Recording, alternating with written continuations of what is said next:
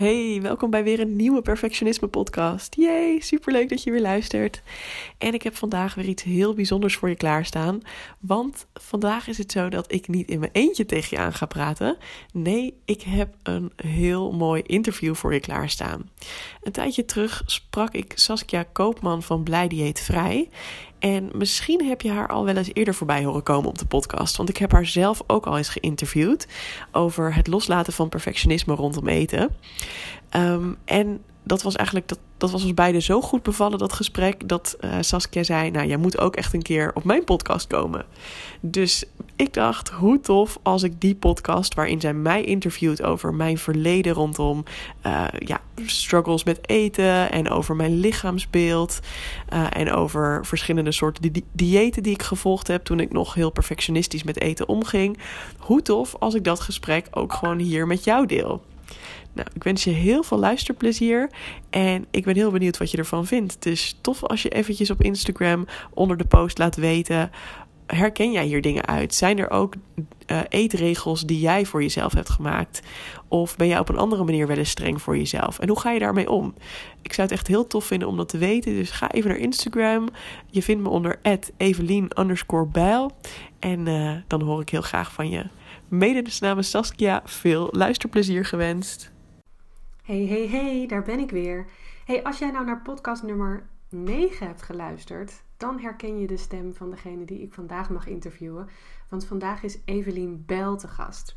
En Evelien is natuurlijk perfectionisme coach voor hoger opgeleiden. Maar wat heel veel mensen misschien nog niet van haar weten, is dat ze zelf ook uh, een hele omslag heeft gemaakt. Niet alleen in haar eetpatroon, maar ook de manier waarop ze met haar lichaam omgaat. En vandaag mag ik haar interviewen over ja, hoe zij als het ware viel voor de valkuil van het paleo eten als gezonde levensstijl. En hoe dat soms toch een beetje kan gaan werken als een dieet. En uh, ze geeft ook tips over het omgaan met je lijf, maar ook over ja, iets wat zij zelf heeft gedoopt als emotioneel perfectionisme. Nou, het is een hele veelzijdige en waardevolle podcast geworden, dus luister snel mee.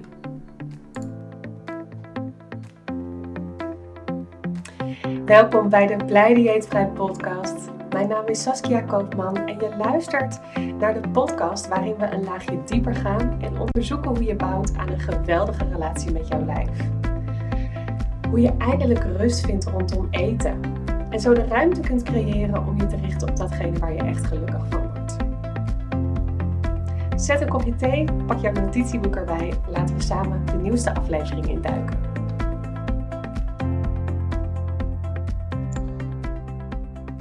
Ja, we zijn live. Yay! Yay! Welkom Evelien. En leuk dat je ook bij mij in de podcast wilde komen en dat ik nu degene ben die jou mag interviewen. Ja, echt leuk om hier te zijn. Ja, nou, wat ik eigenlijk altijd doe, ik doe al een intro voor het intro muziekje. Dus ik hoef je eigenlijk niet meer te introduceren. Maar misschien vind je het wel leuk om heel kort even iets te vertellen over wie je bent en wat je doet. Ja, zeker. Uh, nou, ik ben dus Evelien Bijl en ik ben de perfectionisme coach. Zo heb ik mezelf gewoon uh, lekker genoemd. en de reden is dat ik uh, zelf best wel last had van perfectionisme toen ik net begon met werken. Um, alleen had ik niet door dat dat hetgene was waar ik last van had. Dus ik begon met werken in een management traineeship een aantal jaar geleden.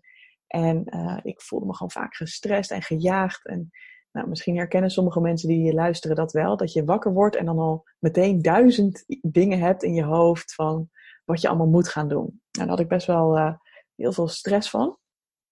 En eigenlijk duurde het heel erg lang voordat ik erachter kwam waar dat nou door veroorzaakt werd.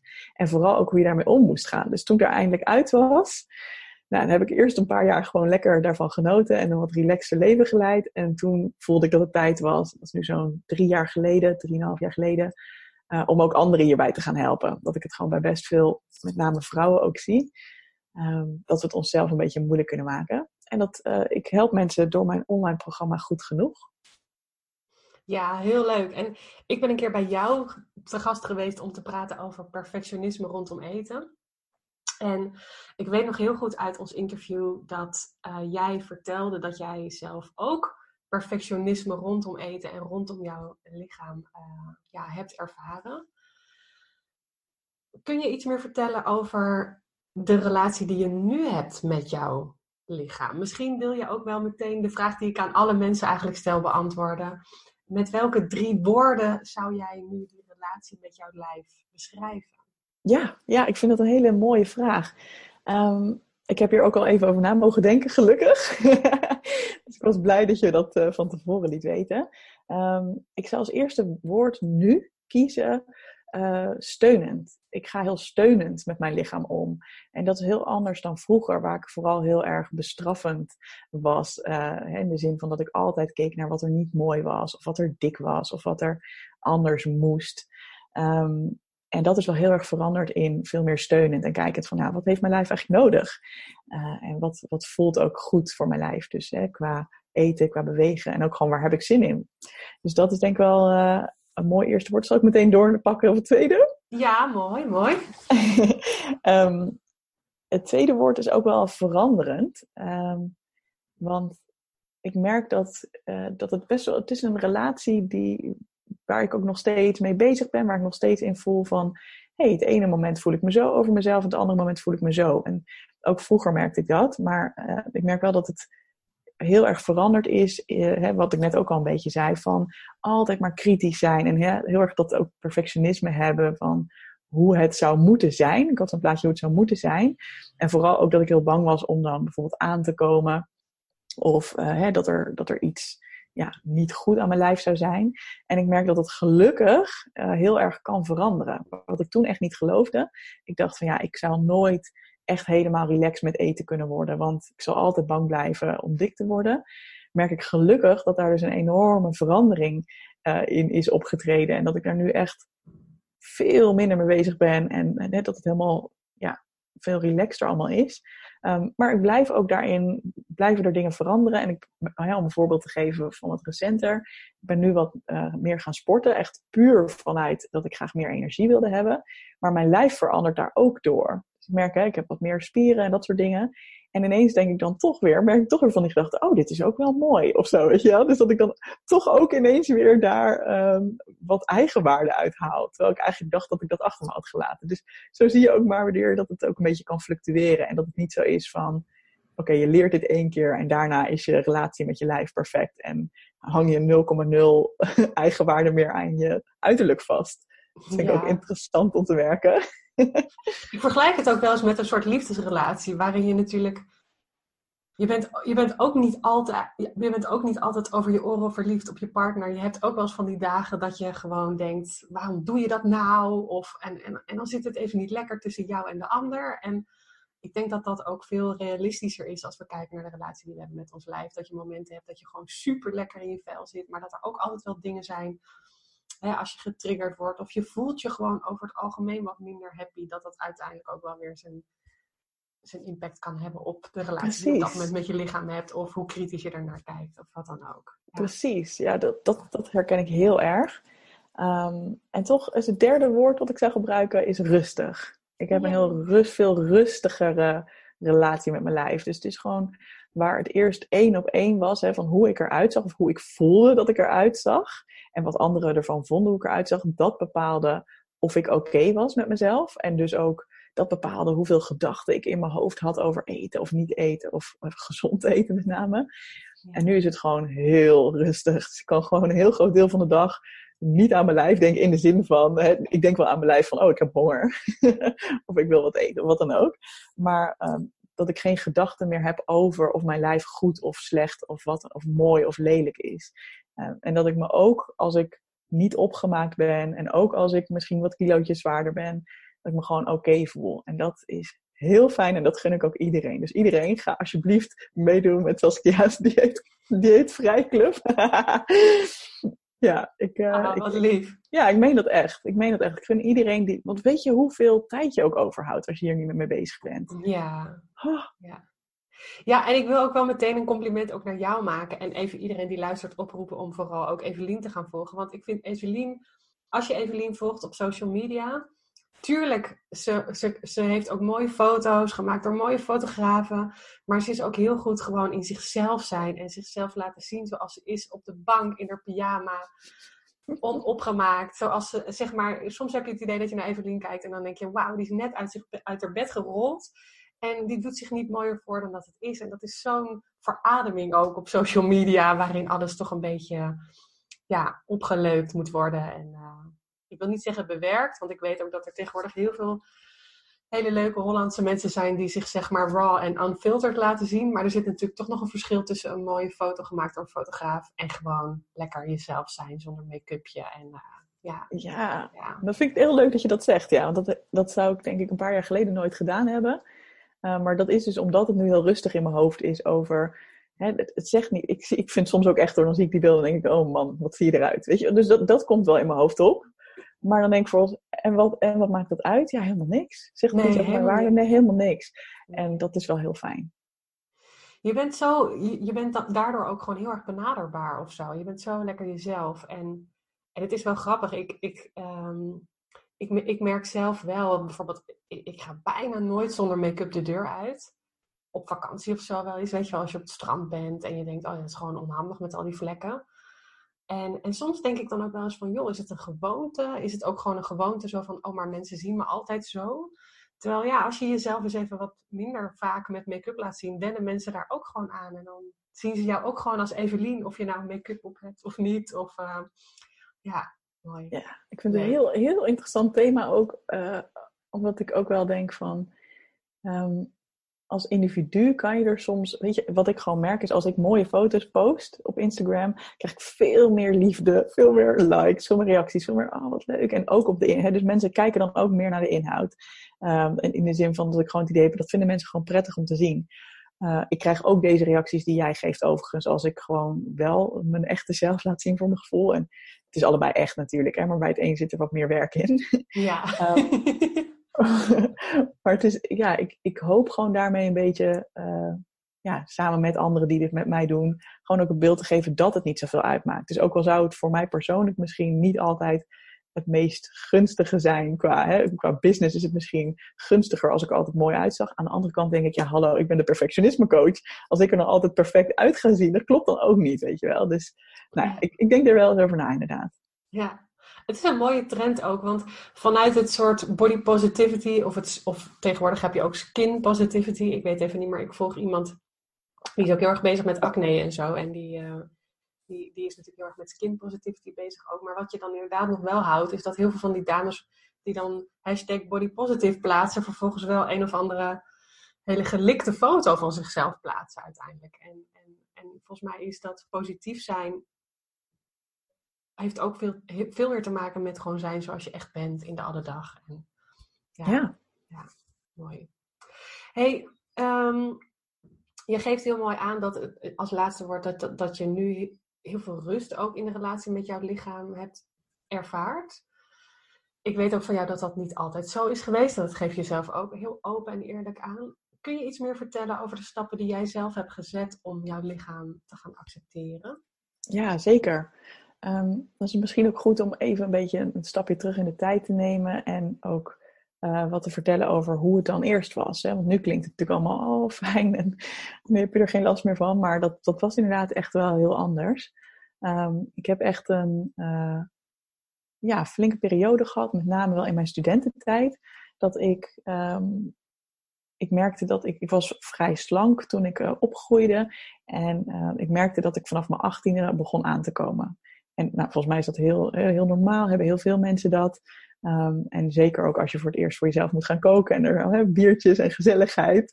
En dat doet natuurlijk wat met een lijf. Maar ik merkte dat ik daar heel erg aan gekoppeld had dat dat dus niet mooi was.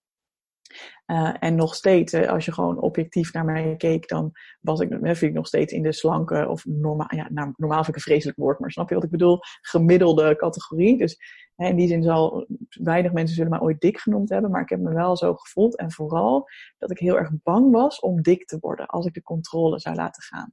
Dus wat ik ben gaan doen, is dat ik heel erg ben gaan opzoeken van wat is gezond eten, wat is ongezond eten ik had ook helemaal dat voedselzandloper-dieet op een gegeven moment te pakken via een collega. Uh, en waar ik altijd wel een beetje dacht, ik, ik, was nooit zo van het dieet, want ik dacht altijd van nee, dat is onzin. Die uh, overtuiging had ik wel. Maar dit werd gepresenteerd als, dit is geen dieet. Dit is een levensstijl. Oh, dus ja, ik zie jou al lachen. Ja, ja. Die kennen we, hè? Nee, dit is geen dieet. En ik ben ook in dat, in dat paleo of paleo, hoe je dat wil noemen, ook in die uh, stijl helemaal allemaal boeken over gelezen. Want dat was geen dieet, het was een levensstijl. En het was gewoon goed voor jezelf zorgen en voor jezelf kiezen. Dus eigenlijk kon ik daarmee aan mezelf verantwoorden van, uh, ja, dit is gewoon daadwerkelijk beter. En dat, ik dacht dat ook wel echt hoor. Ik dacht echt ook dat het gezonder was als ik dan hè, allemaal, uh, nou ja, paleo verantwoorde dingen zou eten. Maar in mijn achterhoofd vond ik het ook wel heel fijn dat ik er wat kilootjes bij kwijtraakte. En, en sterker, ik zag dat ook weer als een bevestiging van, zie je wel, dit is gezond. Want in mijn hoofd was dunner nog steeds gezonder. En ik merkte op een gegeven moment dat er een soort van omslagpunt kwam. En dat kwam eigenlijk heel toevallig doordat ik, eh, nou sowieso merkte ik al dat het mij niet goed lukte, tussen aanhalingstekens, om zo'n levensstijl de hele tijd vol te houden. Dus het, lukte me dan, het lukte uh, een lange tijd. Um, maar dan was ik bijvoorbeeld op een feestje waar ineens wel brownies waren, of chocola of iets, of chips. En dan ging ik helemaal los, want ik dacht, oh, wat heerlijk. En dan kon ik ook echt niet stoppen met dooreten. En ik had daar ook echt schaamte over hoeveel ik dan at. Of als ik dan toch eens een keer iets in huis haalde, nou, dan ging het in één keer op of ik het nou eigenlijk nog lekker vond of niet. Weet je, ik voelde me achteraf vaak helemaal niet lekker erbij. Uh, ook gewoon misselijk of vol of wat dan ook. Maar ja, die remmen gingen gewoon helemaal, uh, die remmen waren er dan helemaal af. En ik leerde op een gegeven moment dat dat natuurlijk komt omdat ik me altijd zo had ingehouden. Een hele tijd had ingehouden. En hoe ik daar eigenlijk bij kwam, is dat ik uh, op een gegeven moment iets zocht over ja, ik moet toch toegeven, ik denk iets van losing weight en paleo, hè, dus het paleo-dieet. En toen kwam ik op een post terecht van een body positive coach. En dat was Summer Innenen, um, een Canadese coach. En zij schreef dus ook uh, over van why you're not losing weight on paleo. En dat was voor het eerst dat er een artikel ging, wat ik las althans, over, hey, wacht, misschien is het helemaal niet de bedoeling dat jij afvalt misschien is jouw lijf aan alle kanten aan het proberen om jou te beschermen. en, um, en is het helemaal niet goed dat je al die strenge regels hebt. En dat was ook iemand die zelf ooit ook zo gegeten had, maar merkte dat ze eigenlijk ja, helemaal niet gelukkig of uh, blij van werd. Um, en dat was zo'n eye-opener. En nou, echt niet om te zeggen dat ik vanaf dat moment meteen mijn leven heb omgegooid. Maar dat was wel voor het eerst dat ik doorhad. Hé, hey, wacht, dit is dus niet per se gezond. Of dit is niet per se de juiste manier. Ja. Dus stap 1, als je dan vertaalt naar hoe laat je dat nou los. Stap 1 is denk ik überhaupt inzien dat gezond eten niet per se betekent um, dat je gezond eet volgens, hè, volgens voedselrichtlijnen. Dus bijvoorbeeld weinig vet of juist uh, heel natuurlijk. Of, hè, dat, dat is niet per se de enige manier om gezond te eten er zit ook een hele mentale laag op van hoe ga jij met je eten om? Wat is jouw, jouw relatie met je, met je eten, je relatie met je lichaam? Dus dat is denk ik wel een hele belangrijke eerste stap.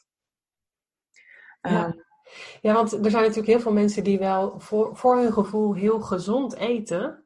En daar heel druk mee bezig zijn om inderdaad volgens bepaalde richtlijnen te eten. Maar ze veroorzaken zoveel stress op hun eetpatroon. Omdat ze continu bezig zijn met wat mag ik wel eten, wat mag ik niet eten. En obsessieve gedachten over wanneer is de volgende maaltijd. Of, of, of inderdaad heel veel schaamte of zorgen als ze naar een feestje gaan of wat dan ook. Ja, ja. Exact, alles wat jij nu zegt, dat is precies wat ik allemaal had. Ja. Um, en eigenlijk door dus artikelen hierover te lezen en door hier podcasts over te luisteren, kwam ik er steeds meer, hè, zoals deze podcast die jij nu, uh, die jij nu maakt natuurlijk, um, kwam ik er ook steeds meer achter van, oh wacht, het is niet per se normaal of goed of, of fijn om de hele dag bezig te zijn met eten. Of met wat je niet mag eten, of met wat voor gezond je moet eten, of inderdaad wanneer je weer mag eten. Um, dat is niet per se hoe het hoeft te zijn. En dat zag ik ook wel om me heen hoor, want ik had natuurlijk ook vrienden en vriendinnen die dat niet zo deden. Uh, maar eerlijk gezegd had ik ook lange tijd dat ik dacht, ja, zij snappen het gewoon niet helemaal. Want ze hebben geen idee, ze hebben geen idee wat ze allemaal in hun mond stoppen, wat eigenlijk troep is. Weet je wel? Ik was er echt, ik was best wel ervan overtuigd dat ik de juiste manier had gevonden. Ja. Maar een moment dat ik me echt nog herinner dat, dat het eh, kwartje echt viel bij mij, is uh, op een avond um, toen ik wist dat ik vanille-ijs in de koelkast had. Misschien heb ik dit in onze podcast ook wel verteld, dit moment. Dat weet ik niet meer. Ik kan me zo snel niet herinneren. Maar... Oké, nou, ik, ik, herinner me uh, dat ik weet dat ik dus um, vanille-ijs in de koelkast had. Maar ik zat weer in zo'n fase dat ik me voor had genomen om wat gezonder te eten. Oh, Inmiddels was het echt hele harde, keiharde paleo, was er wel af. Uh, maar ja, ik had nog steeds best wel veel ideeën over hoe ik eruit moest zien en hoe ik moest eten. En ik herinner me echt dat ik gewoon, nou, ik denk dat het minimaal een half uur was en misschien ook wel langer. Dat ik gewoon de hele tijd in mijn achterhoofd had: Oh, zal ik nou dat ijs nemen? Ja, ik heb er wel zin in. En uh, ja, volgens die body positive movement moet je gewoon eten waar je zin in hebt. Intuitive eating, ja toch? maar ja, ik wilde ook een beetje afvallen, want ik was weer een paar kilo aangekomen. En ja, uh, dit past niet echt in mijn schema qua wat dat betreft. Nou, en dat was echt zo'n zo'n beetje zo'n zo'n duiveltje, uh, engeltje scenario. Waarbij ik niet wil zeggen wat de duivel en, de, wat de engel is. Dat mag, ja. dat mag je zelf invullen.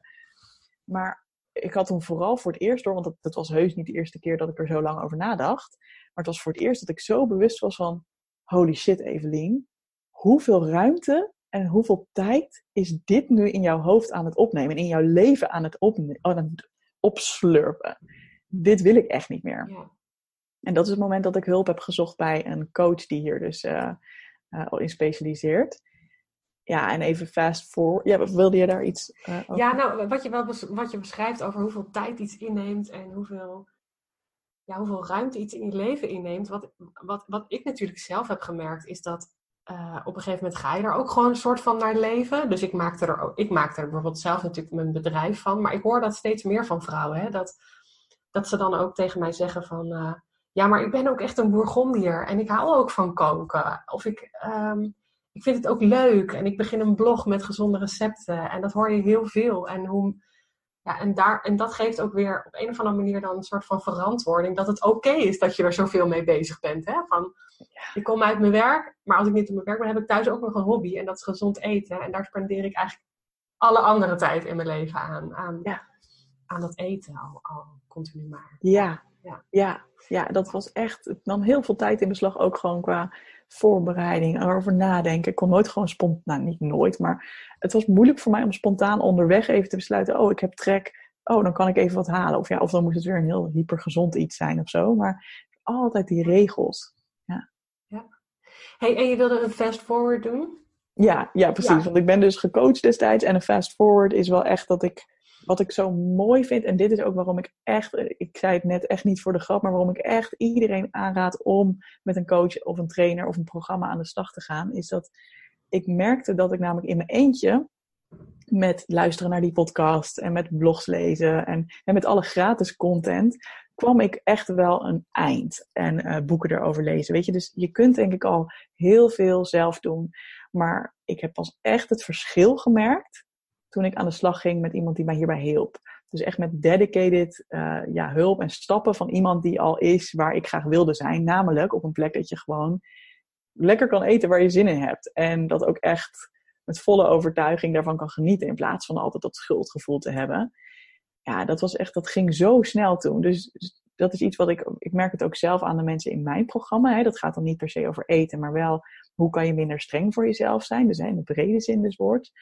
Ehm, daar merk ik het ook aan. Dat, en dat zal jij misschien ook wel hebben in jouw programma, in jouw mooie membership. Dat ja, in je eentje kun je heel veel. En ik denk dat heel veel van ons ook dat, dat idee van ja, ja, moet ik mezelf dat nou gunnen? Want het, het is ook een investering in tijd en in geld. Ja. Ja. Uh, moet ik mezelf dat nog gunnen? Ik kan toch ook nog wel een boek daarover lezen? Of ik kan toch nog wel een keer naar een podcast luisteren van Saskia? En ja, dat is allemaal heel waardevol. Dus ik zeg ook zeker niet dat je dat niet moet doen.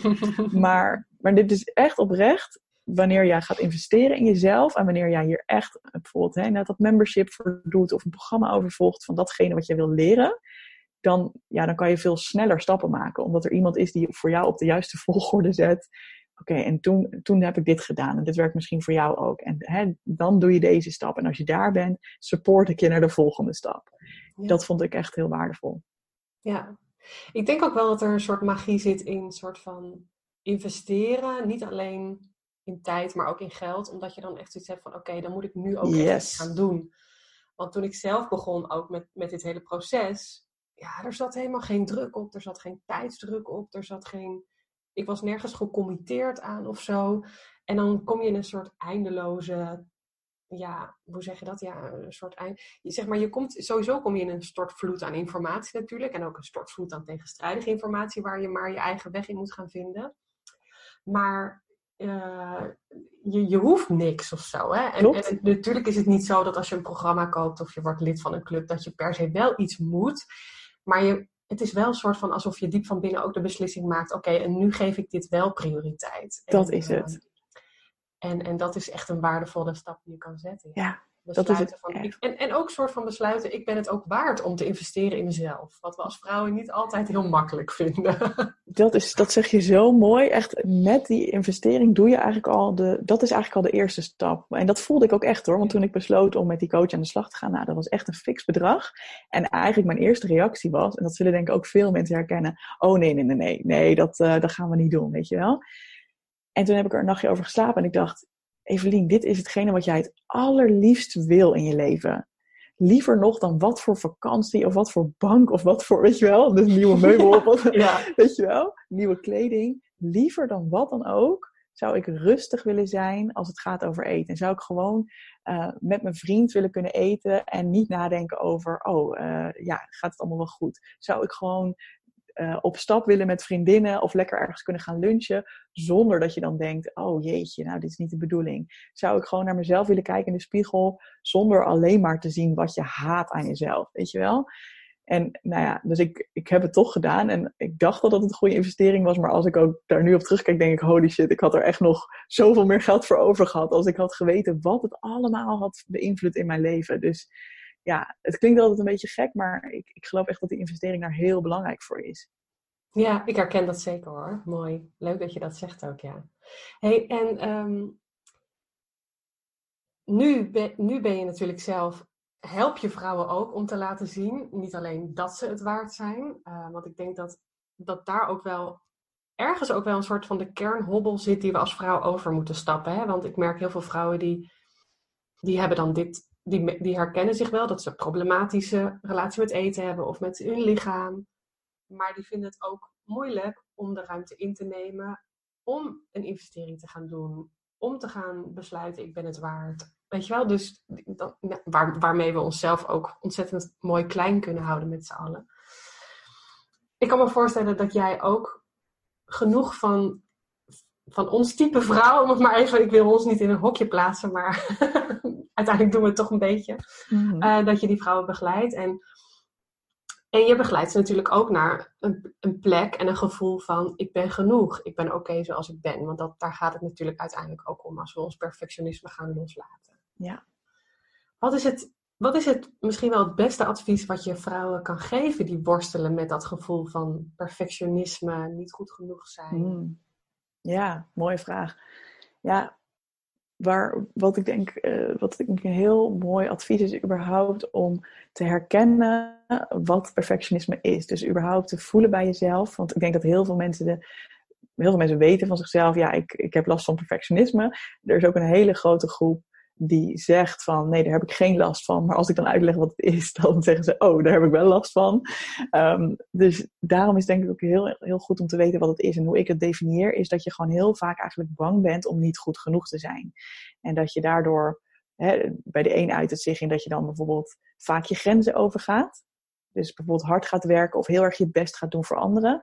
Um, bij een aantal mensen, bij een deel van de mensen uit het zich ook in bijvoorbeeld juist dingen uitstellen, omdat je bang bent dat het je niet gaat lukken. Maar bij iedereen zit die kern eronder, hè, iedereen die hier last van heeft, zit de kern eronder, dat je bang bent om niet goed genoeg te zijn. En heel, ja, dat dat gewoon een heel verlammend en stressgevend gevoel is. En wat ik wel heel mooi vind, kijk, tuurlijk, ik zou het liefst nu een heel uh, een hele programma hier willen doen. Weet je wel, ik wil iedereen het liefst er doorheen helpen, maar dat, dat, daar hebben we helemaal niet tijd voor. maar wat, dan, wat een heel mooie start is, voor iedereen die dit bij zichzelf herkent, is om te gaan observeren wanneer jij oordeelt over je eigen emoties. Want dat is iets wat ik wel emotioneel perfectionisme noem. Ik heb het volgens mij zelf verzonnen. ik, heb, ik heb het nog nooit ergens anders gelezen. En wat ik daarmee bedoel is dat, stel je uh, hebt een dag en het gaat allemaal niet helemaal zoals je wil. Dus je, je voelt bijvoorbeeld dat je uh, tijd tekort komt, je voelt je opgejaagd, je voelt je gestrest. Misschien heb je iets gedaan waarvan je later denkt, ah, oh, dat was niet handig. Wat er dan heel vaak gebeurt bij perfectionisten is dat ze niet alleen dat heel vervelend vinden. Dus dat ze bijvoorbeeld gestrest zijn of moe zijn of zich gejaagd voelen. Maar dat er dan ook nog eens een keer een oordeel komt over dat ze zich zo voelen. Dus dan is het niet alleen, hè, ik baal ervan dat ik nou net dat gezegd heb, terwijl ik eigenlijk iets anders wilde zeggen. Maar dan is het, potverdorie, waarom, is het, waarom heb je dit nou weer zo gedaan? Je had toch gewoon dit moeten zeggen. Het lukt je ook nooit om dat gewoon goed aan te pakken. Ja. Jeetje, Evelien, ben je nou alweer gestrest? Waarom lukt het je niet gewoon om net als andere mensen te ontspannen? Wat een loser ben jij. Hoezo ben je moe? Je hebt niks gedaan. Nou, hoor je die lelijke stem, zeg maar, die ik nu opzet, dat noem ik dan je kritische rechter. En ik denk dat eigenlijk het mooiste begin is om bij jezelf op te merken, wanneer doe ik dat? Wanneer heb ik een oordeel over hoe ik mij voel?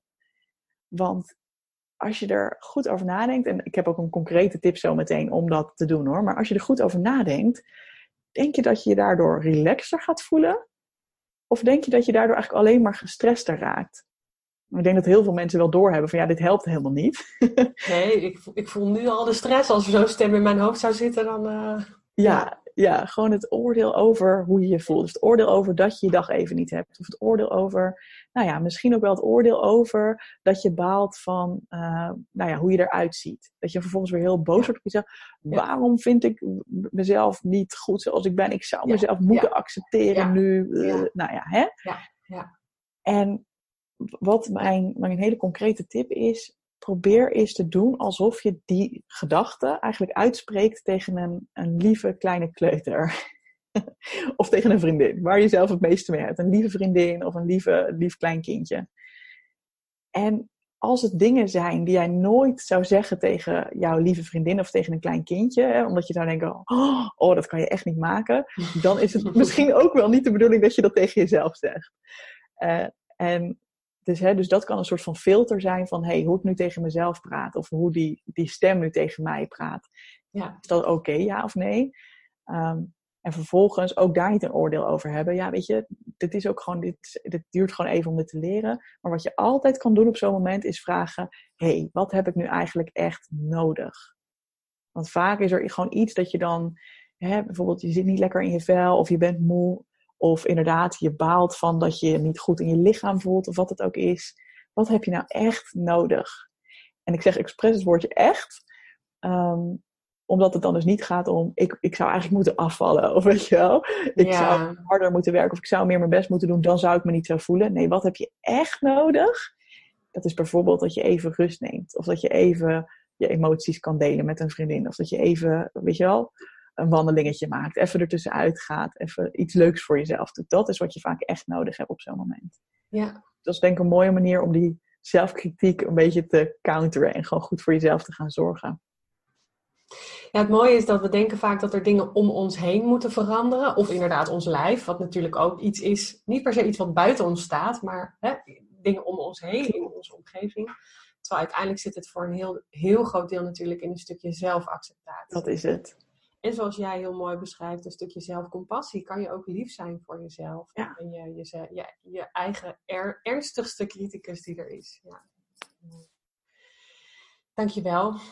Um, waar kunnen mensen meer van jou leren? Als mensen denken, Evelien geeft zoveel waardevolle uh, dingen voor ons. Hè, die deelt zoveel waardevolle dingen voor ons. Waar kunnen mensen meer van jou leren als ze dat zouden willen? Ja, leuk. Uh, ik hoop ook zeker dat mensen het uh, waardevol vinden. Uh, als je nou meer wil weten over mij en over al mijn toffe gratis diensten en producten die ik aanbied, kun je het beste even naar doelgerichtecoaching.nl gaan. Dus doelgerichte coaching. daar vind je ook onder andere mijn e-book over je grenzen aangeven. Dus je grenzen aangeven qua tijd.